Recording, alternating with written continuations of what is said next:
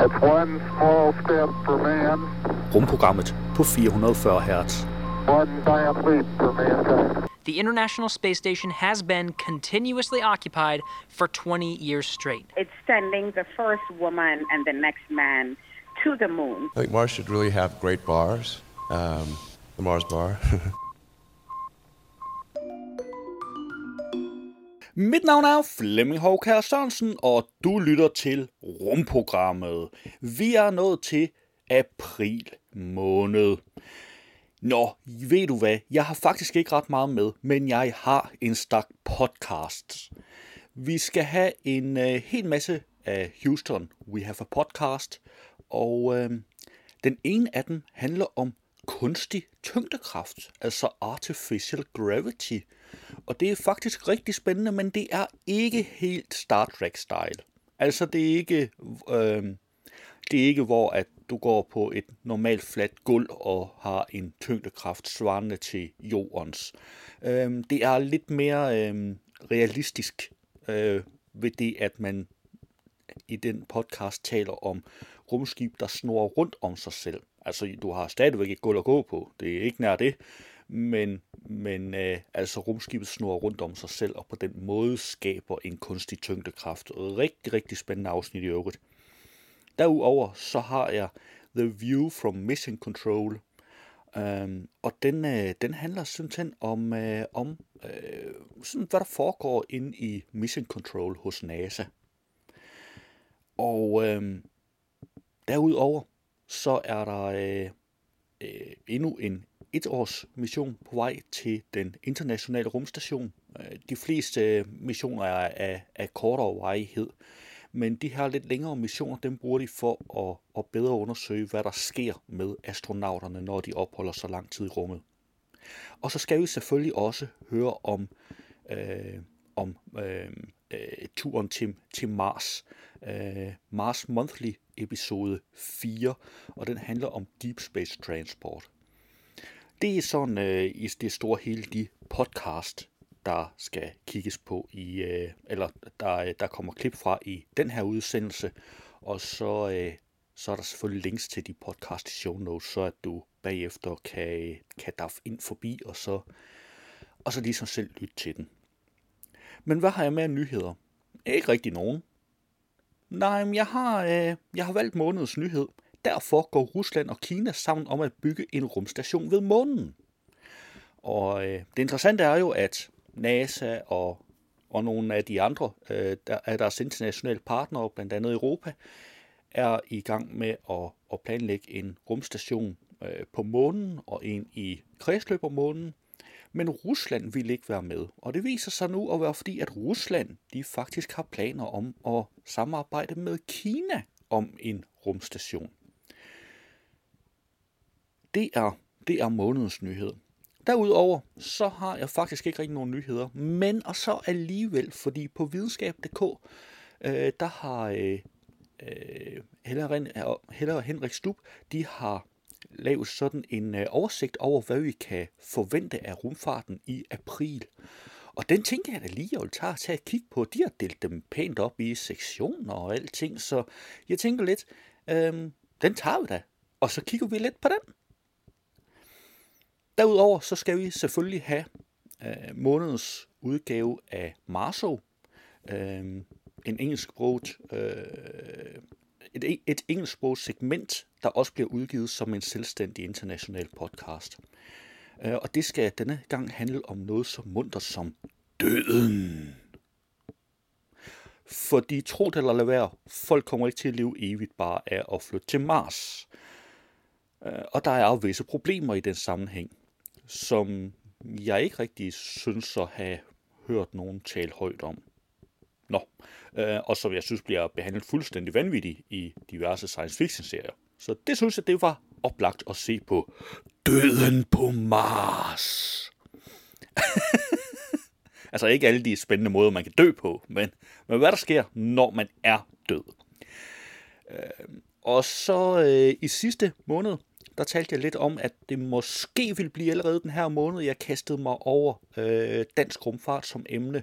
Jeg har valgt at udsætte det en enkelt måned, fordi jeg lige ved tro, lige ved tro, at hvis vi er lidt heldige med coronarestriktioner og den slags, så kan jeg afsnittet øh, for maj måned, så kan jeg lave det telefonisk.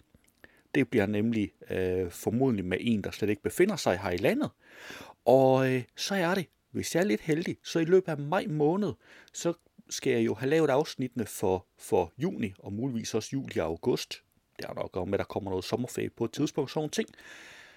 Men så er jeg måske så heldig, at restriktionerne de er på en måde, så jeg måske kan møde op med en mikrofon, og det giver altså alt andet lige bedre lyd, end at tage ene telefoninterviews.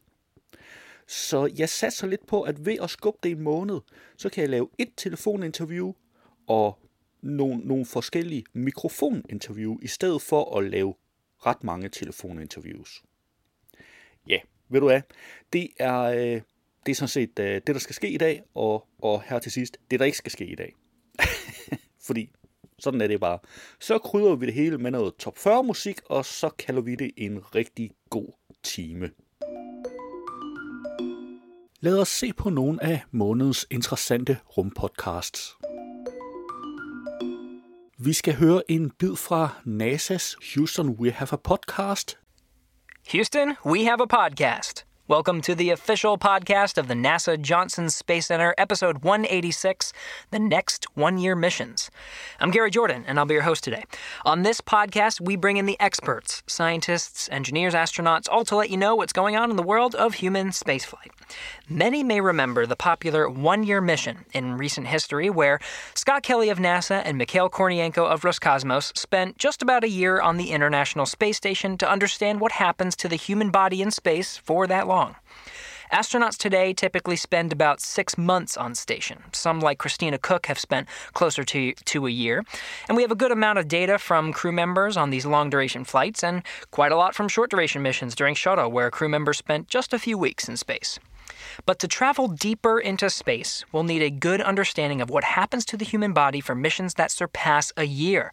A human mission to Mars will be just shy of two years at a minimum. To better understand this question, NASA is planning extended missions aboard the International Space Station, a bit closer to home. It sounds like a general question, right? What happens to the human body over the course of more than a year in space? But the truth is that this single question is being asked from so many angles. What happens to the gene expression, the vascular calcium, vision, bones, the neurovestibular system? Many researchers want to know the answers. So, an integrated protocol called CIPHER is bringing together a huge number of disciplines to investigate as many interesting aspects to an extended human mission on the International Space Station as possible. Of course, CIPHER is an acronym and stands for the Complement of Integrated Protocols for Human Exploration Research. Returning to the podcast is Dr. Sherry Ubry. She described her role as Deputy Element Scientist for Flight with NASA's Research Operations and Integration Element at the Johnson Space Center during episode 127, essentially as the grand integrator of all things human research. She is taking the helm as the Chief Project Scientist for CIPHER. Also returning for the third time on the podcast is Dr. Steve Platts. Platts is the Deputy Chief Scientist of the Human Research Program and was integral in the execution of the Twin Study, which was conducted concurrently along the one year mission, and is very familiar with integrating research in a single mission. Nikki Schwanbeck is the Deputy Element Manager for Flight with NASA's Research Operations and Integration Element at the Johnson Space Center, and is the Project Manager for CIPHER. It's her job to manage the overall project from development to implementation alongside Dr. Ubry. So let's get right into it. The next one year missions with Sherry Ubry, Steve Platts, and Nikki Schwanbeck. Enjoy. Det var NASA's We Have a Podcast, og du kan naturligvis finde et link i show notes. Vi skal have fat i NASA's Houston We Have a Podcast, der har en ISS-episode. Houston, we have a podcast. Welcome to the official podcast of the NASA Johnson Space Center, episode 187 The View from Mission Control. I'm Pat Ryan. On this podcast, we talk with scientists, engineers, astronauts, all kinds of experts about their part in America's space exploration program. Today, we're going to give you a peek at the operation of the International Space Station Flight Control Room. Every single American spaceflight with an astronaut on board, starting with Freedom 7 in 1961, has been run by a team of specialists in a Mission Control Center, which has been located here in Houston since 1965. Now, rather than make astronauts responsible for coordinating all the aspects of a spaceflight while they are flying it, engineers with expertise in all the relevant systems work together in one location to move a mission toward its goals. A team is on console in the flight control room anytime there is an American mission in space which has been the case since the launch of the first element of the International Space Station in 1998 and the arrival on orbit of the first permanent crew a little more than 20 years ago. And NASA has sponsored a series of panel discussions in recognition of that 20th anniversary of continuous human presence on the station. We brought you the first of those, our episode 184 last month, and today we bring you a talk focused on the work done by Mission Control Houston. The moderator is NASA Public Affairs Specialist Brandi Dean from the Johnson Space Center in Houston. She's also a mission control commentator. And she'll introduce you to the Deputy Director of Flight Operations here at JSC, Norm Knight, the Chief Flight Director, Holly Ridings, and the Deputy Chief Flight Director, Emily Nelson. Flight Director Pooja Jesrani, former Flight Director David Korth, and International Space Station Deputy Program Manager Kenny Todd for a great look at an element of American spaceflight you don't always get to see. So, here we go. Det var NASA's We Have a Podcast, og du kan naturligvis finde et link i show notes. Vi skal høre en bid fra NASA's Houston We Have a Podcast, der har en Mars-episode. Houston, we have a podcast. Welcome to the official podcast of the NASA Johnson Space Center, episode 188 Artificial Gravity. I'm Gary Jordan, and I'll be your host today. On this podcast, we bring in the experts, scientists, engineers, astronauts, all to let you know what's going on in the world of human spaceflight. Name a space movie, almost any of them. When you see them flying through space, a lot of times they're standing or sitting in the cockpit or bridge, not floating. There's a mention of an artificial gravity generator that helps them to accomplish this phenomenon. The idea of using artificial gravity within a spacecraft is an intriguing one. Many say it would be a good way to keep astronauts healthy on long trips, preventing bone and muscle loss for the 18 or so months it would take in weightlessness to travel to and from Mars.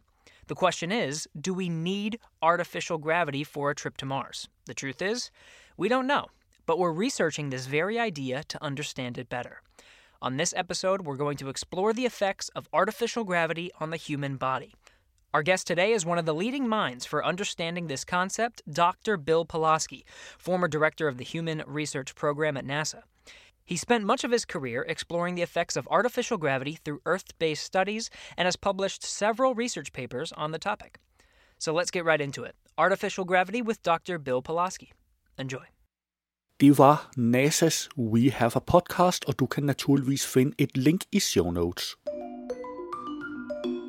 NASA's Houston We Have a Podcast har en Mars Monthly, og den har jeg valgt, vi skal høre en bid af et afsnit fra. Houston, we have a podcast. Welcome to the official podcast of the NASA Johnson Space Center, episode 156 Deep Space Transport.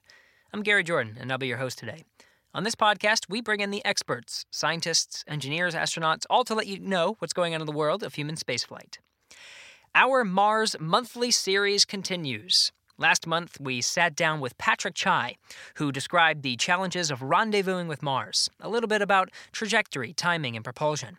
On this episode, we'll be talking about what's needed for the vehicle that will be doing the rendezvousing and transporting the Martian crew, the Deep Space Transport.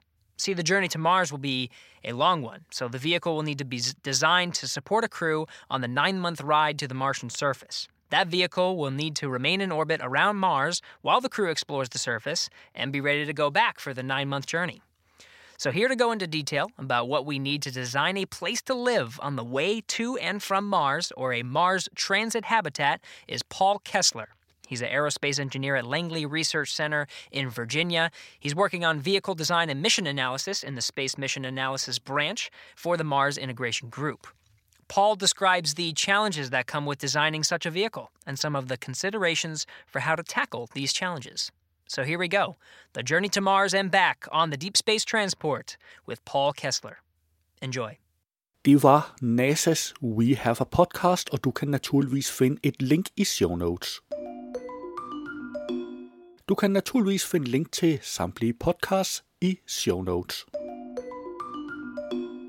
Som månedens nyhed, der har jeg valgt, derfor går Rusland og Kina sammen om at bygge en rumstation ved månen. Jeg har fundet den på videnskab.dk, og den stammer fra hende og... He, det passer ikke hende. Henrik og Helle Stup. Ja, men vi kan da godt bare kalde dem hende til sammen. Hende Stup. Nej, det er jo ikke pænt gjort. De hedder altså Henrik og Helle Stub, Og øh, ja, du ved formodentlig allerede, hvem de er. Siden du kan finde på at lytte til et program som rumprogrammet, så ved du formodentlig også, hvem Henrik og Helle Stub er.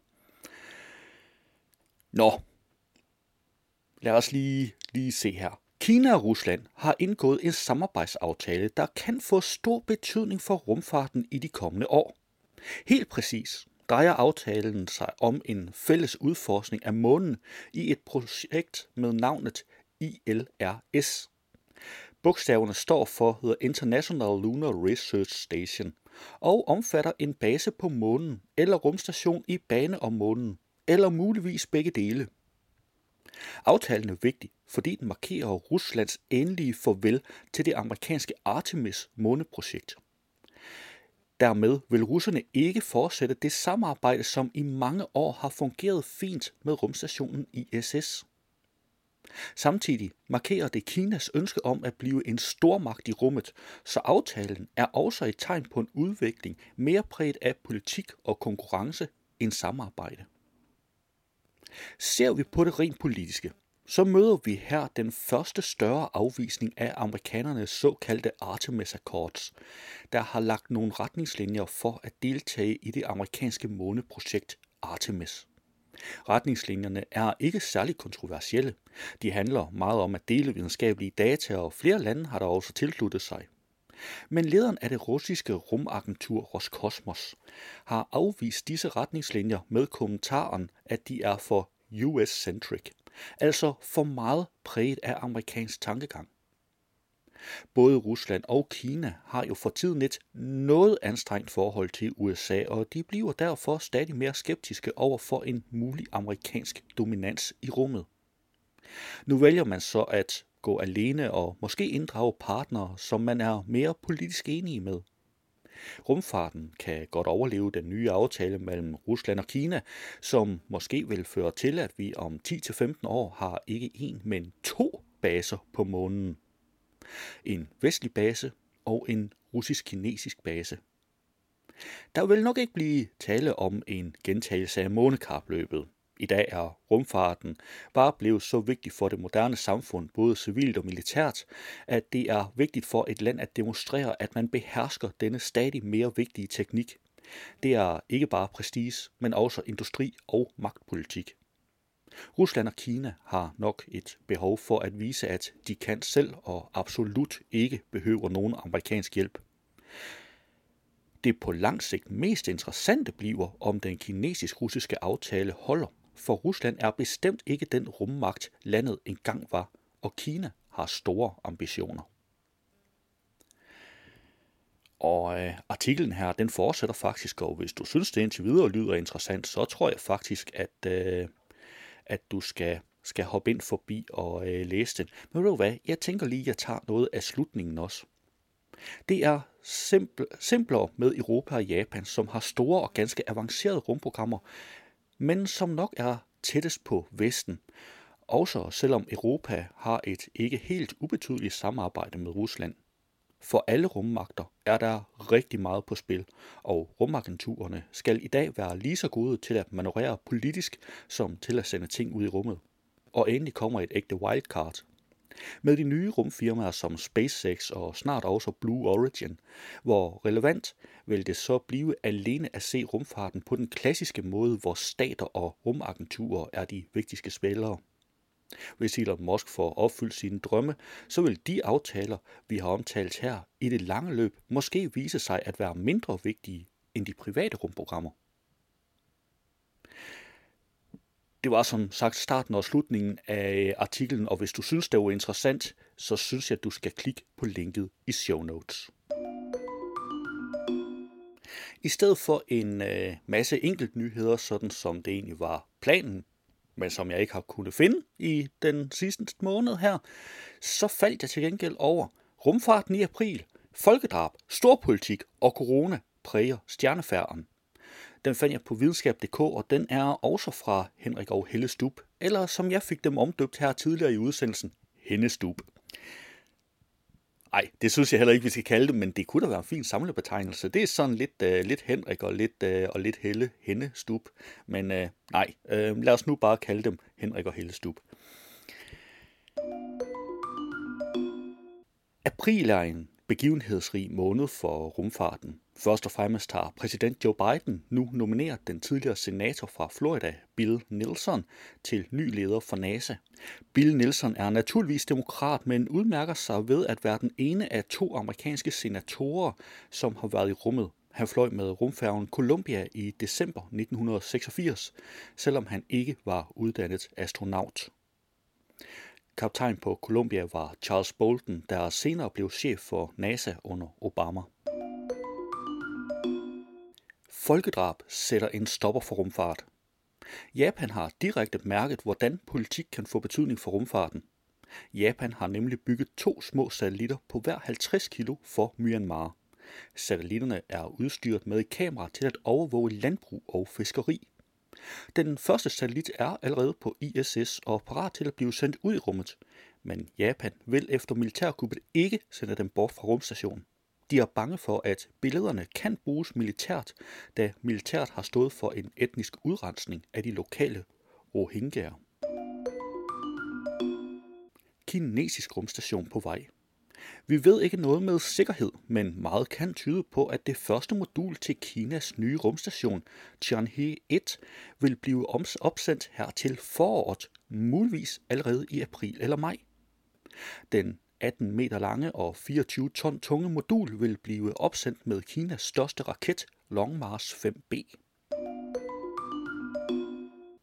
Corona forårsager forsinkelser. Trods corona klarer rumfarten sig, selvom pandemien har givet anledning til nogle forsinkelser. Dog mærker astronauterne pandemien, når de træner her på jorden forud for ophold på rumstationen ISS. De træner så vidt muligt hver for sig, men de skal jo også træne i de ikke særlig store rumskibe Dragon og Soyuz, som bruges til opsendelse og landing. Her bærer de mundbind, og desuden er astronauterne i karantæne sammen med deres familier fra tre uger før opsendelsen. Hvor længe holder satellitter i rummet? Vi hører ofte om, at rummet er ved at blive overfyldt med satellitter, og det selvom mange satellitter ender med at brænde op i atmosfæren.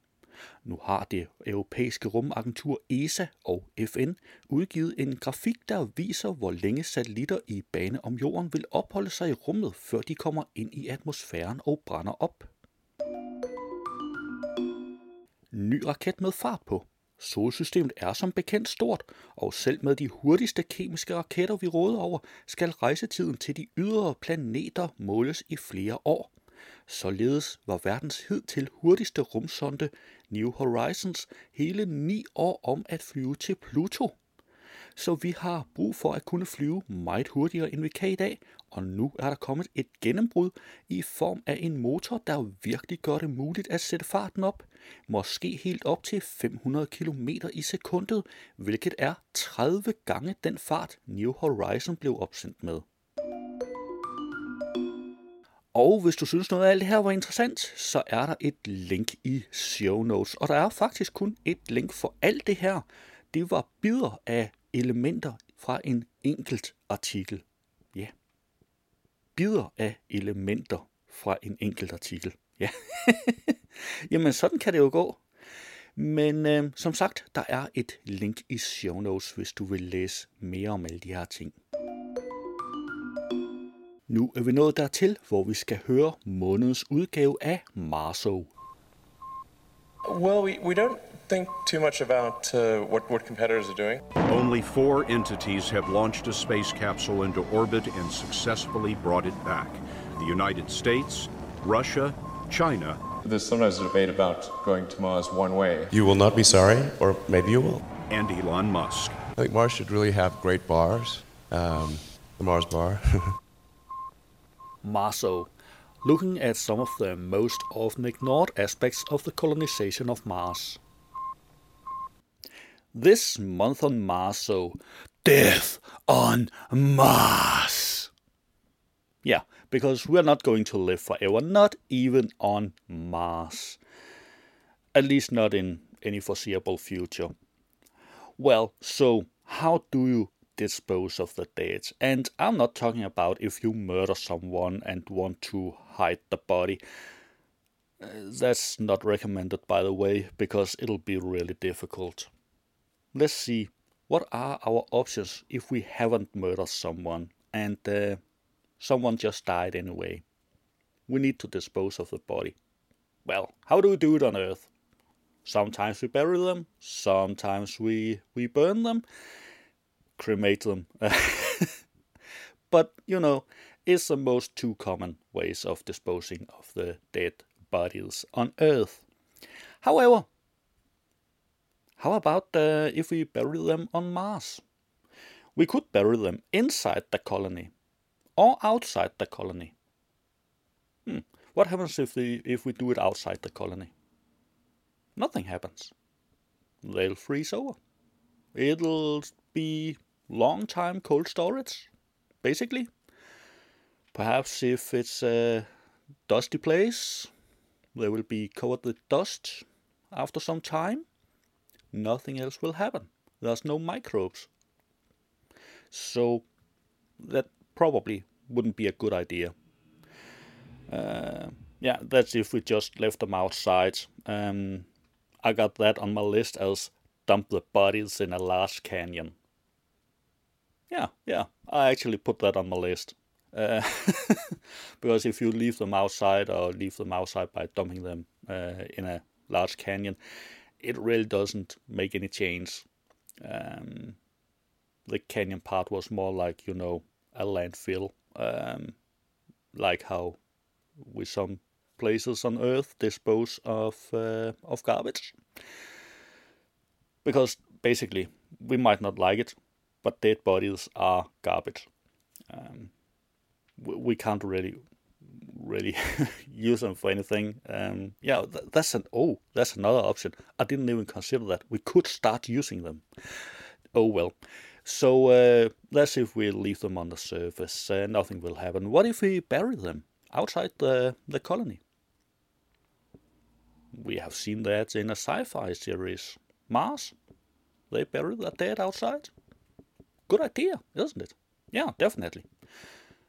It's just another form of cold storage, and uh, they won't get sanded down uh, over the over the years um, because they're buried there in a protected environment. They are frozen solid, and that's it. Still, no no microbes to to do the job. Nothing will happen. Um, what if we bury them inside the colony? I mean, we got plants and animals and all that stuff. Yeah, yeah. At, at least if we are talking about uh, a form of dome colony, you know, uh, and not just a lot of uh, large buildings. But but yeah. Um, well, I guess they could decompose, but it's a completely different environment than than bury them outside uh, here on Earth. So it would probably not be a good idea. Then, um, then there's cremation. We could cremate them. A lot of people are cremated on Earth after they died, um, hopefully. But that's not even funny. But uh, but could we do that on Mars? Well, it's probably the only thing we can do on Mars. Not that I'm an expert in disposing of dead bodies on Mars. I'm not, by any standard, an expert on that subject. I'm not even an expert of disposing of dead bodies on Earth, so how would I ever become an expert on the same subject but for Mars? Anyway, I have Googled it. Yes, Google is my friend. And um, I've noticed that to cremate a body, you will need a, a oven with a temperature of about 750 to 1100 degrees centigrade. And then it will take about an hour and a half to two hours. That will leave you with, uh, with a few kilos of, of waste material, commonly known as ash. It's not ashes, um, at least not according to what I found out. It's more like bone fragments and stuff, and then they uh, they ground it up so it uh, so it appears to be more ashy. Anyway, that's not really the problem here. Um, I don't think there is a problem. Well, of course there is. Uh, what to do with the, the the waste product, the ashes? Well, at least there's a lot less of it than than what to do with the whole body. So I guess cremation just may be the only the only way to go. But while while uh, while talking about this, uh, something just uh, just hit me that I hadn't uh, thought about before. We could use the dead bodies. I don't think I'm in favor of this myself. no, I mean like if we were if we were um, uh, working with uh, fish and and uh, land animals, and we had waste products, we would probably chop it up and uh, and use it for for uh, for feeding uh, of other animals um, or to you know spread it on the ground as a, as a form of fertilizer. I, I mean, I guess we could do the same with humans. I don't think I don't think if if the Martians had an election on that topic that they would be in favor. Uh, um, I would probably not be in favor myself. It just hit me. We could probably use the dead bodies. Um, so just for for the I was just about to say the fun of it. Uh, let's play with that thought, but no, I don't really think we should. Um, it was uh, it was just an idea I, I had while talking. Anyway, I think uh, I think the best option would be cremation. I think the second best option would be uh, burial outside. Not just leaving them on the surface or dumping bodies in a canyon, but but actual burial outside. Uh, there's a lot of space on Mars. Um, it uh, we could do something like burial mounds, like in the good old days. I mean, and then rich people with a lots of the lots of money, they could afford a, a bigger mound, you know, like in the good old days. I mean, it, it, it could be really interesting. But no, do do we really think it would uh, it would uh, we would do that? Nah, probably not. Probably not. But if we don't find a solution to what to do with the dead bodies on Mars, it could be quite macabre but by time if we just start leaving the bodies. Um, so we should probably find a way to dispose of them, and we should probably find that way pretty soon after we arrive to Mars, if not before. Because people will die on Mars, just like they do on Earth. You can have an accident on work, you can become sick, you can die. Uh, some people will even die of old age. Everybody will die sooner or later. It's really a shame that it's a topic no one wants to talk about, because death is quite natural, and it will be quite natural on Mars too. Anyway, that was all for this time, and uh, I I will try to find a uh, mm, a less macabre subject for next time. Det var månedens udgave af Marso, og der er et link i show notes. Det var alt, hvad jeg havde i rumprogrammet for denne gang. Vi lyttes ved om en måned. Rumprogrammet er hjemhørende på 440 Hz. Du kan finde mere på 440hz.net.